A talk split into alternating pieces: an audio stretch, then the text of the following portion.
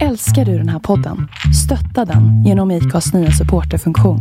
Det är helt upp till dig hur mycket du vill bidra med och det finns ingen bindningstid. Klicka på länken i poddbeskrivningen för att visa din uppskattning och stötta podden.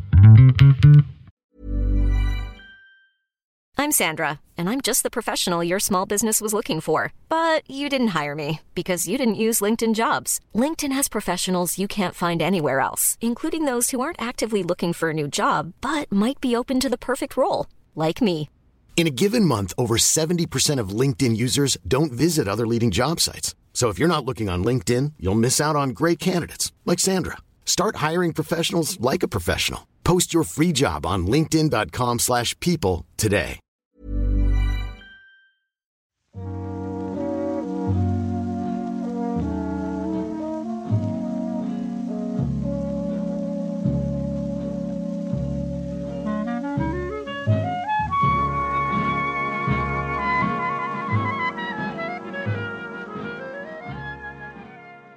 Eh, har du börjat? Jag börjar spela in. Det är bra sånt där löstugg i början. Tror jag. Ja, vi får ju börja med att säga att vi lyssnade på... Vad lyssnade vi på? Jaså? Ja, ja, ja, ja. Du menar vår stulna signatur? Ja. Det är grejer.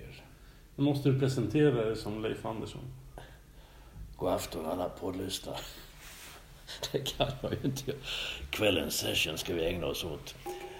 Leif Smokerings Andersson, han... Eh, det var en, en stor människa. Alltså jag menar lång och kraftfull. Inte tjock och dan, det var han inte. Men, men lång och bred över axlarna. Han påminde en del om Bo Förr, för, förre biskopen i Göteborg. Som också var väldigt lång och bred och stor och kraftfull. Eh, alltså de påminner till kroppen om varandra. Bo Gertz var ju en rese, men Leif Andersson var inte dålig heller när det gällde 30 till 60-tals jazz, amerikansk jazz. Det där var alltså signaturen till Tony Lappalainens podd och till, till Leif Anderssons Smoke Rings som gick sena kvällar i, på Sveriges Radio. När allting hette Sveriges Radio, både TV och radio hette Sveriges Radio. Och tre veckor, kanske två veckor innan han dog sändes det sista Smoke Rings-programmet. Och då blev det världens längsta radioprogram utan avbrott i antal program räknat, antal veckor, antal år räknat. Eh, och då slog han med ett ynka program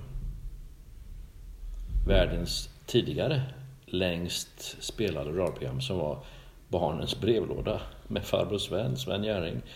Också det är ett svenskt radioprogram. Jag vet inte om det är viktigt, men jag kan nästan bli lite sådär, ja.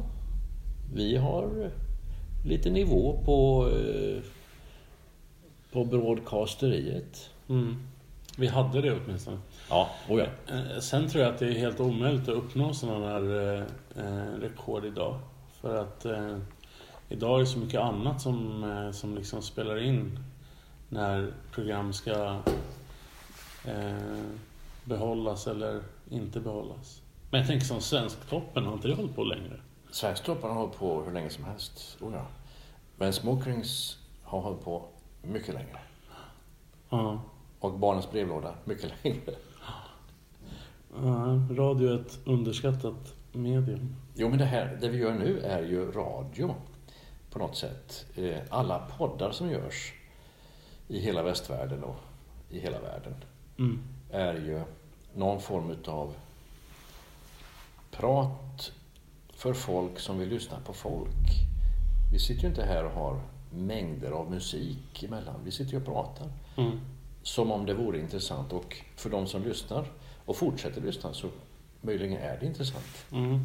Ja, men alltså man kan ha olika eh, motiv till varför man gör en podd. Ja, ja, oh ja. Eh, en- ena sättet kan vara för att man vill framhäva sig själv eller man eh, tycker det finns ett intressant ämne som man kan liksom så här. Men majoriteten av alla poddar är ju bara rent skit alltså.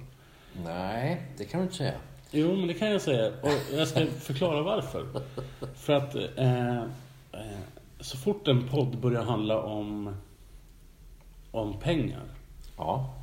så i min värld så försvinner det ur fönstret alltså. För att det, och eh, när man försöker profitera på andra människors olycka. Alltså det finns ju många som, poddar som helst som, som bara liksom nöter skvaller. Liksom. Ja, ja.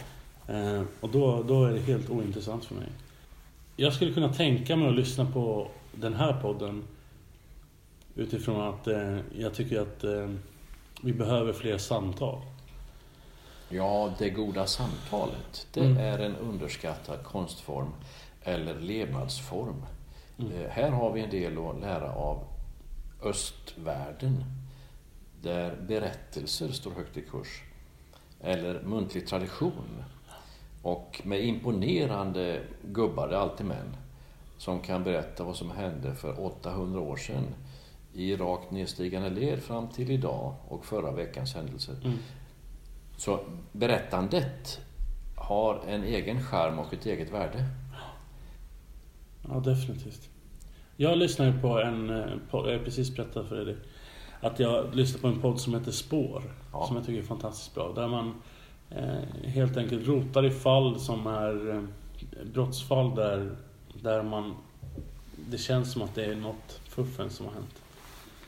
Eh, och eh, de fick ju faktiskt eh, var en stor anledning till att Kaj Linna blev Ja, ja, ja. frikänd för Just här för, förlösa mordet. Eller var Nej.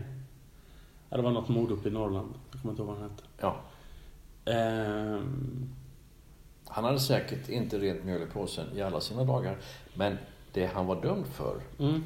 var ju tydligen ett justitiemord som... Ja, verkligen. Ja, Och eh, nu, nu är han fri och eh, fått en väldig massa pengar som kompensation för att han har suttit i fängelse i 18 år eller vad det är. ja. Ehm, eh, Det som är, jag har ju stött på många sådana fall, för jag tycker sånt är intressant.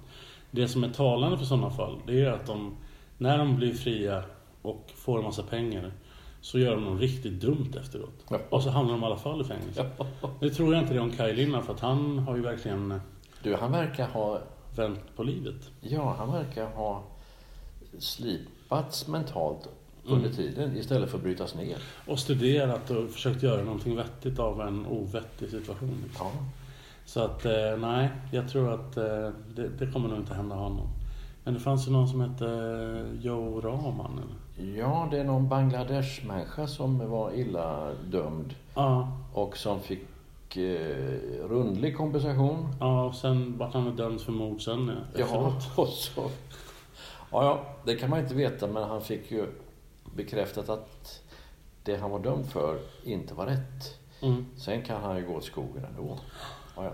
Men vi började ju prata om eh, smoke, Smoke rings. smoke rings, ja, så heter det. Och det är ju lite, vi har ju inte satt, eh, det här ska vi ha som signaturmelodi, utan allt har ju hänt så här, skjutit från höften och så har det blivit så. Ja.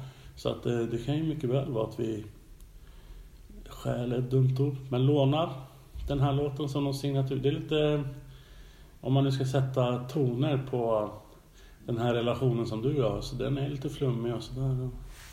Går lite sakta och innehåller mycket rök. Du, alltså, ett, en rökig biljardsalong, det är vad jag får som bild när jag hör smoke rings. En rökig jazzklubb, det ska vara mycket rök alltså. Det ska vara lite depraverat och gärna lite eh, dålig momsredovisning och du vet allt sånt där som hör till den ljusskygga restaurangverksamheten. Då passar den där signaturmelodin. Men vi talar ju om Gud och himlen. Ja, men det passar ändå. Ja. Ja, verkligen. Ja, det är det som är grejen med hela det här med att tro. Att det går liksom inte att sätta en ram och sen så placera det inuti. Utan det liksom är lite utanför boxen och det kan vara lite vad som helst. Jajamän. Och jag har ju tänkt på det där mycket. Jag försökte förklara det innan här, men så kom jag på att det här ska jag ta i podden istället. Att den svenska kyrkligheten och de kyrkliga människorna, de har ju liksom förstört mycket. Eh, och komplicerat mycket. Jag tänker på det här med bön till exempel.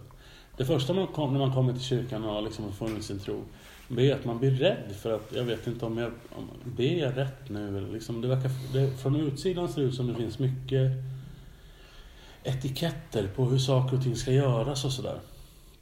Och det finns det naturligtvis som, som man, man, nattvard gör man på ett visst sätt och dop gör man på ett visst sätt och begravning och, och vigsel och sånt där gör man på ett visst sätt. Det finns ju men, men det här med bön, det, den har fått en, en oförtjänt känga på något sätt. För, för någonstans så handlar det bara om ett samtal med, med Gud. Det behöver inte vara tända ljus och, och rökelse eller på att säga.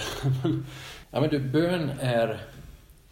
All, allting blir organiserat. Det är inte dåligt. Vad du än gör så har du en organisation och om du inte har det, då är det dåligt. Alltså när disken ligger i badkaret, när eh, du har dina sängkläder ute på balkongen för att du sover på balkongen. När allting blir oorganiserat, då blir det svårlevt. Då blir det dåligt. Nu tänker vi västerländskt och ospontant och sådär va. Eftersom vi är västerländska och ospontana. Så att även saker organiseras, institutionaliseras, placeras i olika mallar hur vi gör det. Det är inte uteslutande negativt. Bönen är svårt att få i en mall. Men, men det är precis som du säger, det är ett samtal. Gud, jag gör det när jag vill. Jag kan göra det för jag har tillträde till Gud. Jag har tillträde till världens skapare bara för att jag vill och kan. Det är stora saker. Men Jesus lär ut hur vi ska be. Så här ska vi be, säger han. Det är tre kapitel i Matteus som har påverkat världen mer än något annat skrivet. Vi kallar det bergspredikan. I mitten av bergspredikan så kommer Fader vår. Så här ska ni be. Och så kommer Vår Fader, du som är i himlen. Och den där texten, den innefattar ju allt vi behöver. Och, men Jesus säger inte så här ska ni be jämt, alltid. Du ska inte använda några andra ord. Och du ska göra det på det här sättet. Det är inte alls det. Men han ger en hygglig vägvisare för hur vi ska närma oss Gud Fader i himlen. Ja, alltså jag, jag tolkade bergspredikan så här, eller alltså just den delen är att det här är ett sätt man kan eh, be till Gud. Ja, det är inget eh, dåligt sätt. Nej, att, eh, men samtidigt, jag är ju allergisk mot det här ordet måste. Ja, ja. Och därför, men det känns som att många tolkar det som så här måste man be till Gud. Ja, då blir det fel. Och då tror jag att man exkluderar en väldig massa människor som ja, inte ja. känner sig bekväma i det och sådär. Jag vill, jag vill mer att det ska vara så här att ja, men när jag dammsuger då kan jag gå och prata med Gud. Liksom. Ja, och eh, om folk skulle förstå att det är så enkelt att, föra, att ha en relation med Gud så skulle fler använda bönen som, ett, som det verktyg som det är. Ja, och då skulle mer grejer hända. Den saken är klar. Men, men håller du inte med om att det är väldigt mycket regler, eller när man är utanför, nu har inte du varit så mycket utanför, men, men eh, om du tänker att du är utanför och tittar in i den kyrkliga världen liksom. Tror du inte att de människorna känner att det är, att det är väldigt styrt allting? Jo, de har säkert den uppfattningen utan att begripa bättre. Mm. Eftersom de aldrig, eller nästan aldrig, är i själva kyrkhuset, kyrklokalen och ser vad som sker. Eh, redan att gå in i entrén är ju ett, en jättetröskel för jättemånga svenskar. Men om du tänker dig den... Nu, nu är jag på väg till Iran igen. Det är konstigt men man kommer inte undan den muslimska världen. Och ett av mina favoritländer, Iran. Det finns en pastor i Göteborg, en kvinna, fantastisk människa. Hon mötte Gud, som så många andra iranier, genom att hon fick drömmar. Och det var första steget. Det tar många år innan hon möter Gud på allvar. Hon är uppvuxen i Iran, bor i Teheran, har en hög position.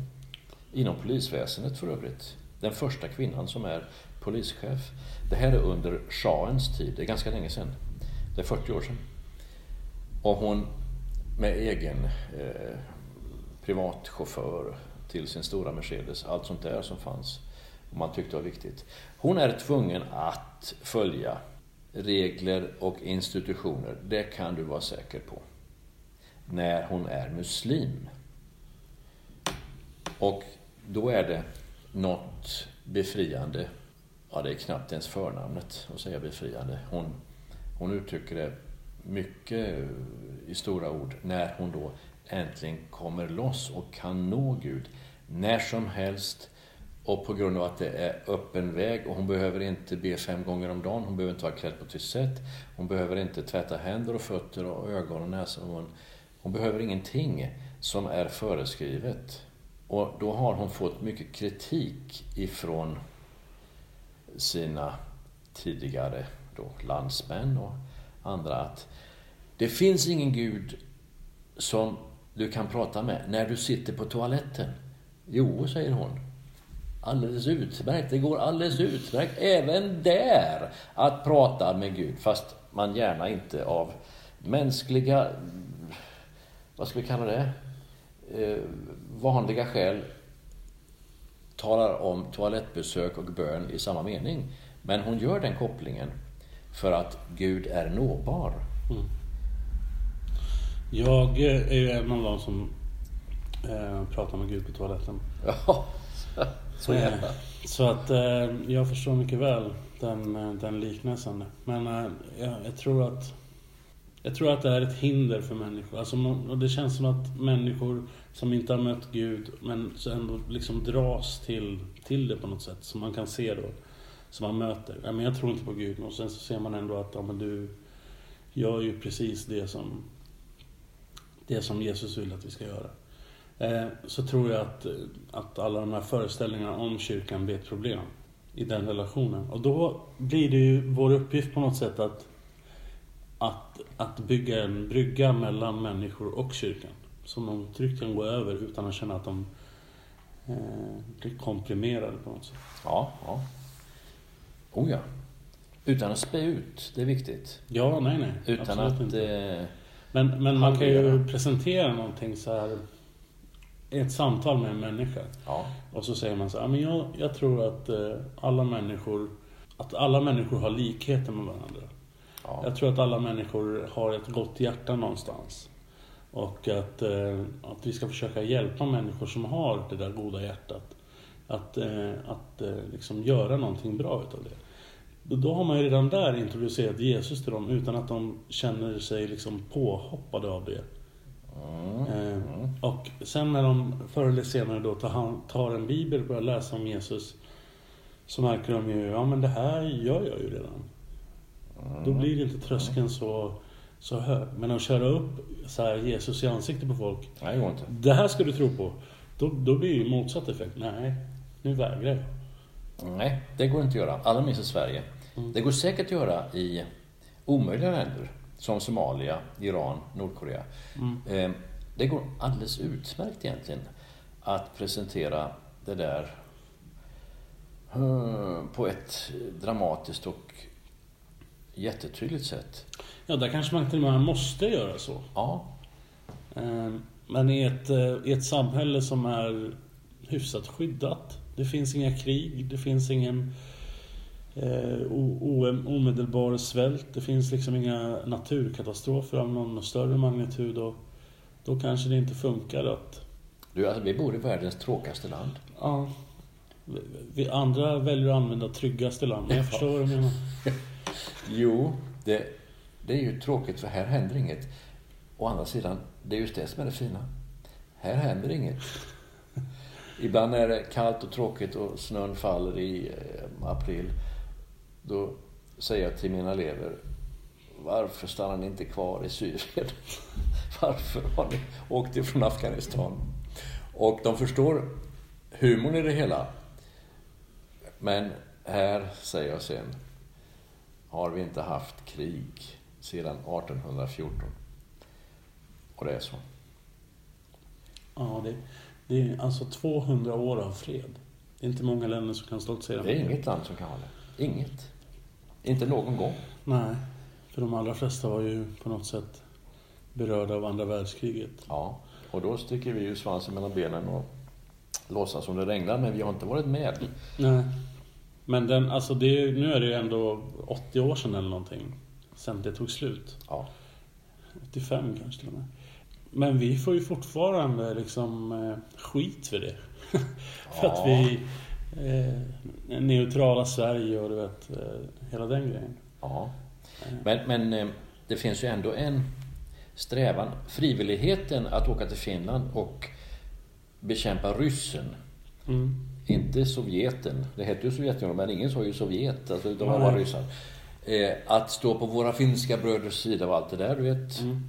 Eh, Höga ord och, och ord som man säger på torgmöten med svulstig stämma. Eller friheten att åka 1936 till Spanien och alldeles frivilligt vara en del utav eh, Republikanernas sida emot Franco. Mm. Där har Sverige som sådant, alltså man kan ju inte säga nej, ni får inte åka för att det här är Mm. frivilligt. Men det finns en, ja, vad ska jag, ett ädelmod och möjligen eh, en liten önskan att hjälpa andra där som ligger bakom också. Sen finns det säkert äventyr och knasigheter, Mm. alla, inte minst då till, till Spanienfrivilliga. Men, men om vi tar de två situationerna. Finska vinterkriget, svenskar åker dit för att försvara Finland mot, mot ryssarna. Spanien 1936, svenskar åker dit för att eh, bekämpa Franco. 2015-16, svenskar åker till eh, Syrien för att eh, slåss för Islamiska staten. Ja, Det är egentligen ingen skillnad. Jo, all skillnad i världen. Nej, det är inte alls det. För att de som åker till Finland och Spanien, det är precis samma legoknektar som, som det är som åker till Syrien. Nej, Jo, men du säger det för att du vet att Islamiska staten är... Alltså det, det är så dumt så att det finns inte. Men själva eh, grejen är precis likadant. Att man har en åsikt, man åker dit för att försvara den. Ja, att du försvarar en åsikt eh, och en, eh, en övertygelse och någonting du tror på. Därvidlag så är det precis samma sak. Oh ja. Det är det utan tvekan. Eh, så där har du helt rätt. Jag är inte säker på vad du vill ha ut av det, men... Nej, nej, men jag menar att jag vill inte ha ut någonting. Absolut inte. Utan, men jag tänker att det är ganska enkelt och sådär med 80-90 års perspektiv och säga att ja, men de här killarna de gjorde en bra sak. De slogs för någonting som var bra och eh, historien har gett dem rätt på något sätt. Ja, Ehm, Men i praktiken, alltså om man bara tittar på människorna, anledningen till att de åkte, ehm, drivkraften är densamma. Sen råkade de som stack för 90 år sedan göra det för en bra sak och Islamiska staten... ja det, det är ditt och mitt sätt att filtrera det och, och vi har nog de flesta med oss. Eh, Ja, men på sätt och vis har du rätt att eh, övertygelsen, ideologin, det är den som driver och den är då likvärdig. Sen finns det en annan liten detalj som du bör veta. Det var ju frivilliga människor, killar, unga män, som åkte till Spanien. Inte bara från Sverige, naturligtvis inte. Från stor del av norra Europa. Just ingen ifrån södra Europa, men, men från norra Europa.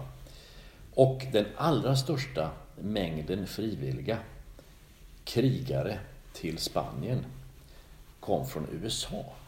Det är ingen som tänker på. Och de olika, eh, jag höll på att säga regementena, de olika enheterna, de hade namn efter amerikanska presidenter. Du tillhörde enheten Jefferson, du tillhörde Madison du, eh, och Washington naturligtvis. Trots att det bara var tyskar eller bara skottar. Eh, för de fick då av, av ledningen för Republikanerna sådana här namn, de här olika enheterna, motstånds och angreppsenheterna. Det är lite märkligt. Samtidigt som 1936 just, det går olympiska spel i Berlin.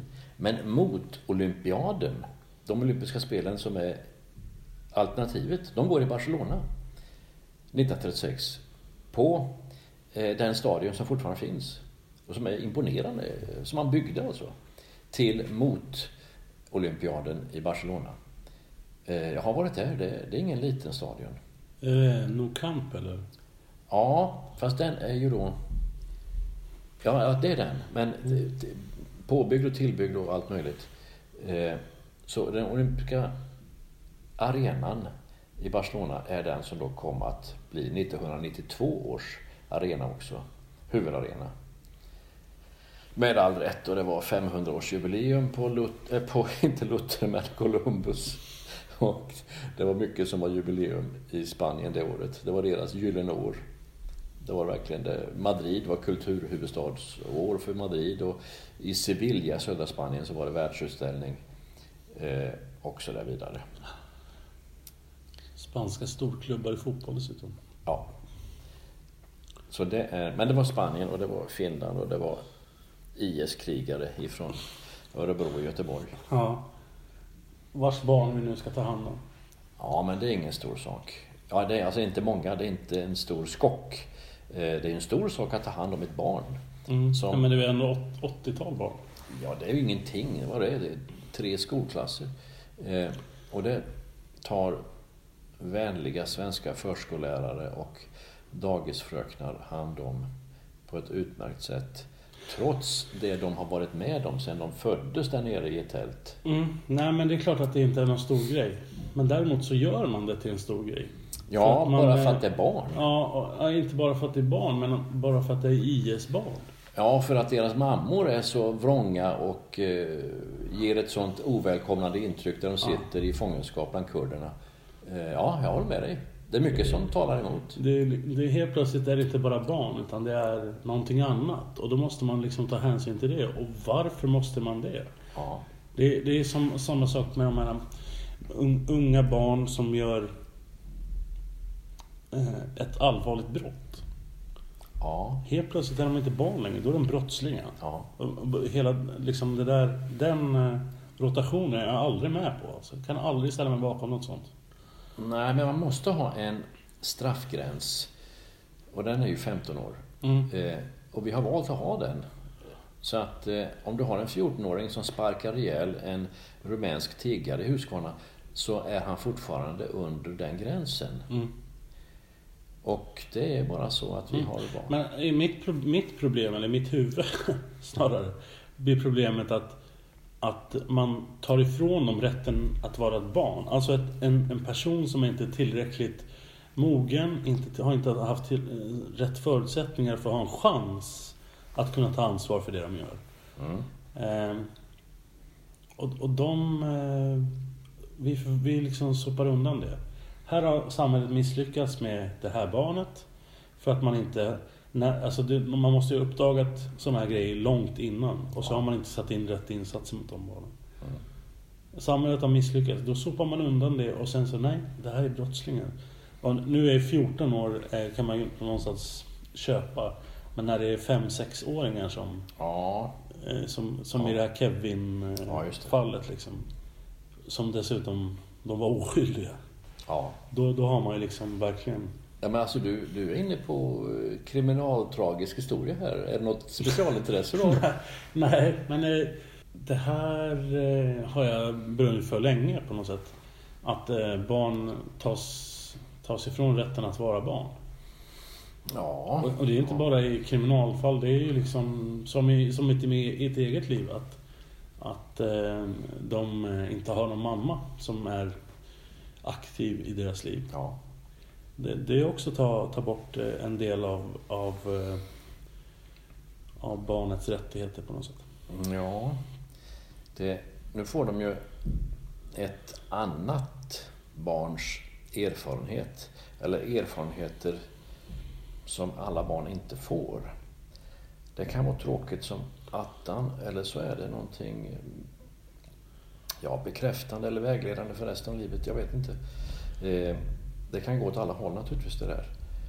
Men att de har ett hem, en säng, en pappa, en organisation om du så vill. Skolan börjar klockan si och så. Och dagis och förskola och fritids. Och helst ska de gå i musikskolan också. Men det är mitt eget tillägg. Ehm, allt det där formar barnet mer än frånvaron av en mamma. Frånvaron av en mamma som välkomnar hem och har lagat mat eller bakat bullar. Du vet sånt där eh, knypplings... Eh, eh, Sörgården idealmamma. Ja. Ja, nej, alla har inte en spikrak, eller inget barn har ett spikrakt Ingen har det. i, idag.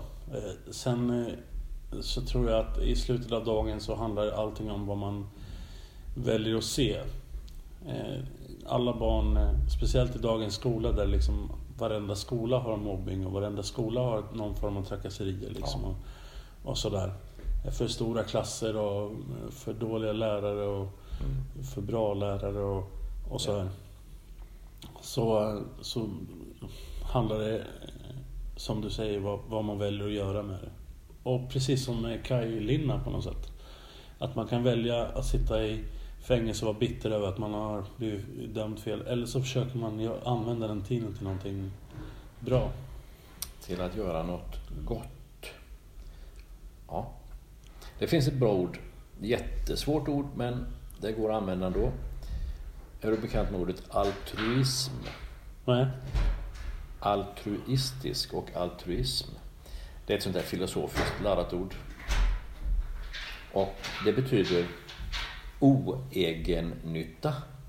Alltså, någon gör någonting utan tanke, utan minsta eh, hänsyn till den egna nyttan. Altruism. Det är ju en svårighet och en, en sällsynthet naturligtvis, att göra någonting utan att själv få någonting tillbaka. Vi människor är alltid oss närmast själv. Och det jag gör åt någon eller för någon eller i samband med något så finns alltid, ja, vad får jag för det här? Eller får jag, får jag ut av det här? Eller vad kan jag räkna hem på det här? Då är det oaltruistiskt.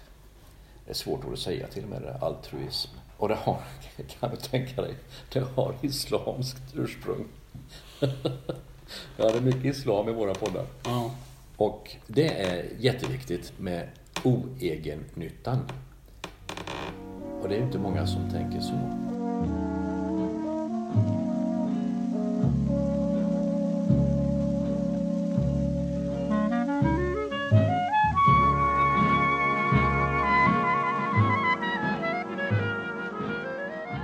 Vad är motsatsen till att klimatkompensera? Njuta av livet. Ja, så kan man säga att du njuter av livet. Ja, men det gör jag nästan... Det gör jag varje dag. Mm. Ändå är det konstigt att du får vänner. Att jag får vänner. Ja. Ja, men du, jag kan nog lära dem ett och annat om att njuta av livet. ja. Jag vet inte hur, men det kan jag nog.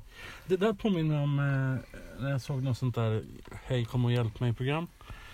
Alltså utsatta människor och så kommer något tv-program och så är det jättesynd om dem och sen så gör de någonting bra. Eller om det handlade om någon person som gjorde något bra. Och som de skulle hylla. Jag tror det var den senare. Då hade de en sån här gentlemans eh, skola för barn alltså. Hur man ska bete sig som en gentleman. Oj då. Och de, jag vet inte vad de kallar det för, men de, de liksom varje så här, torsdag efter skolan så kom de dit och fick som, liksom lära sig om vett och etikett och hur man ska behandla andra men alltså sådana sunda grejer liksom. Låter som altruism. Ja, eller inte. Eh, och eh, något sånt borde du hålla i. något sånt där after school program. Alltså, jag, jag, kan, jag får ju snart sluta spela in den här poddarna eftersom du, du lyfter upp mig ur träsket varje gång. Ja, Eh, men det där låter ju brittiskt som det skulle vara i någon internatskola i England. men det här var mitt i gettot i USA. Oj, vad där, häftigt. där liksom en kille var polis. Och eh, på sin fritid så gjorde han det här liksom. Vad grymt. Ja. Eh, Ja, men du, det, alltså det där är ju altruistiskt och det tjoar om det. ja. Oegennytta. Fast han får ju då en nytta för sina elever eller adepter. Men det låter ju väldigt oegennyttigt. Mm. Och vi människor är inte sådana. Så när det väl dyker upp så häpnar man ju. Ja, men på, på något sätt så eh, tänker jag så här att han är, var ju polis. Och i sitt polisyrke så har han sett många vars potential var ganska hög som har gjort bort sig och sen Ja. Bara på struntsaker.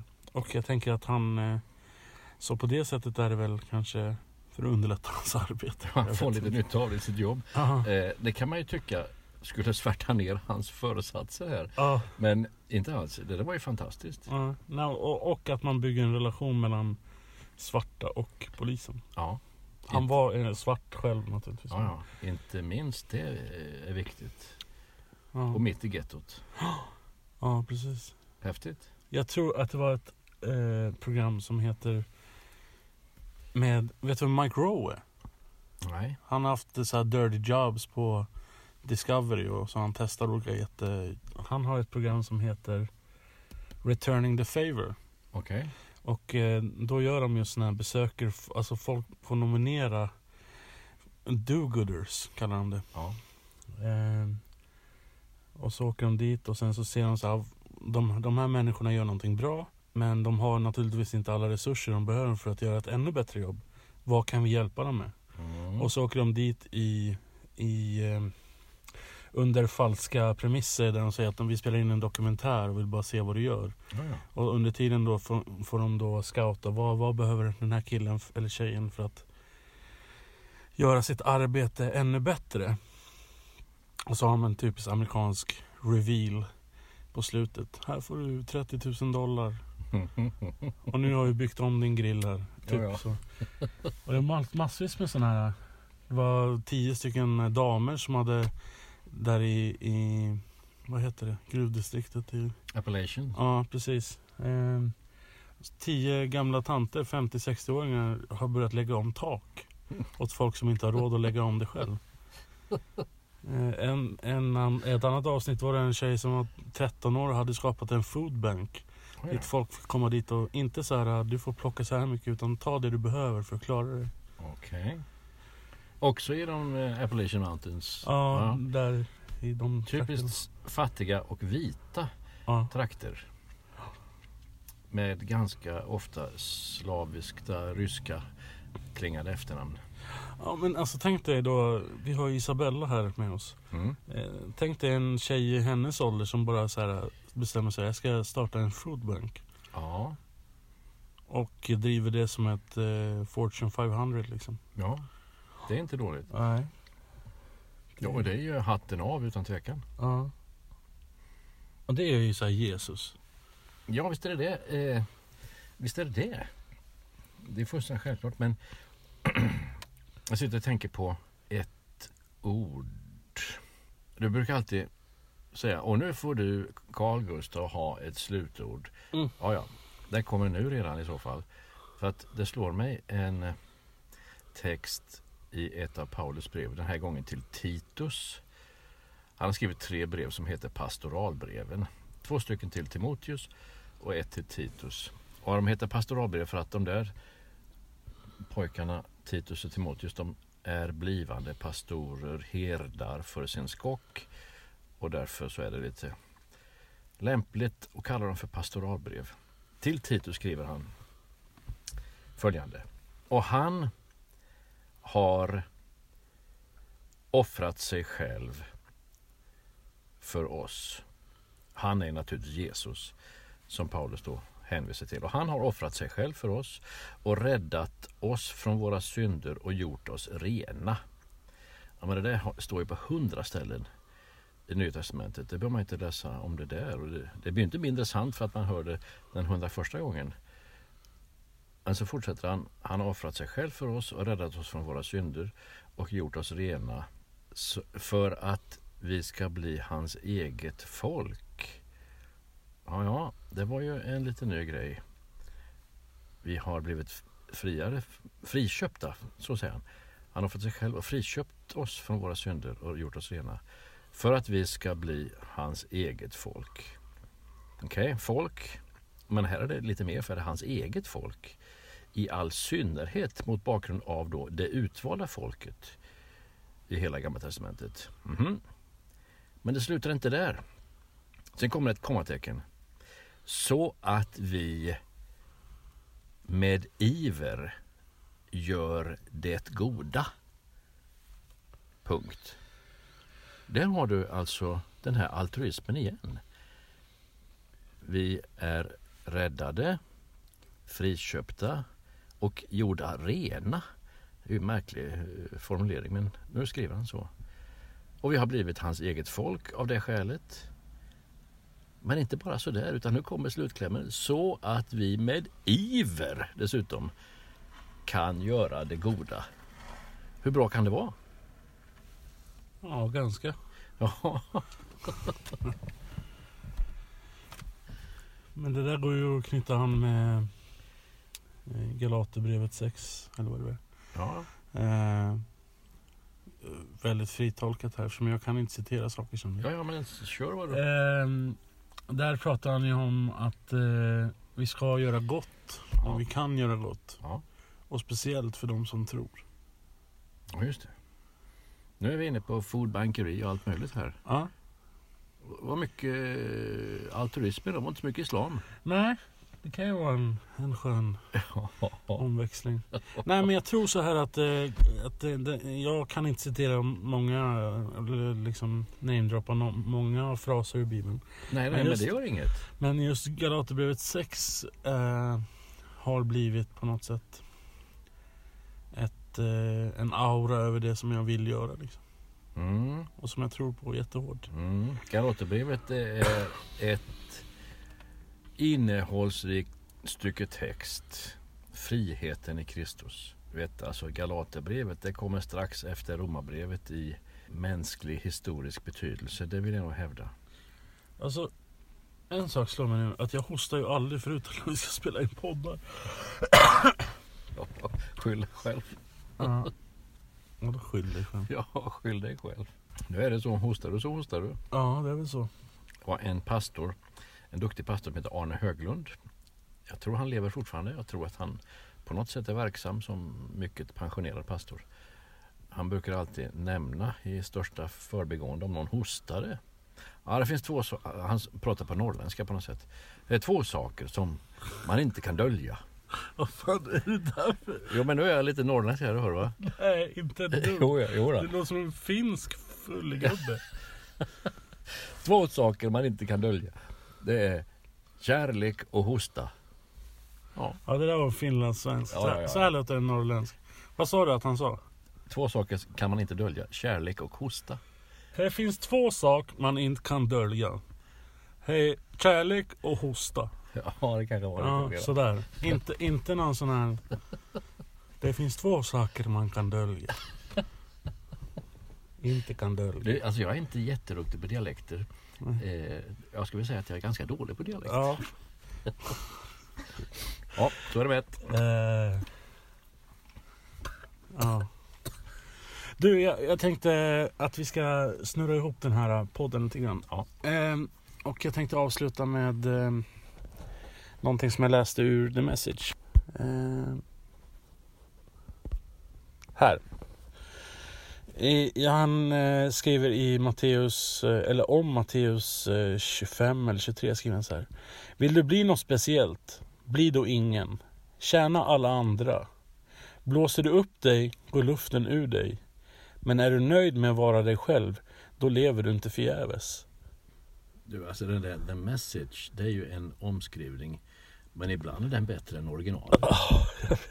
Ja, det, det är fantastiskt. Eh, och, eh, och att man kan mötas. Eh, någon som har varit 40 år kristen och någon som är så kallad nykristen. I den boken. Det tycker jag är det mest fantastiska. Sen är det synd att den, inte- att den inte finns eh, i gammal, gamla testamentet. Ja, ja, men det där är vackert så. Ja. Häftigt.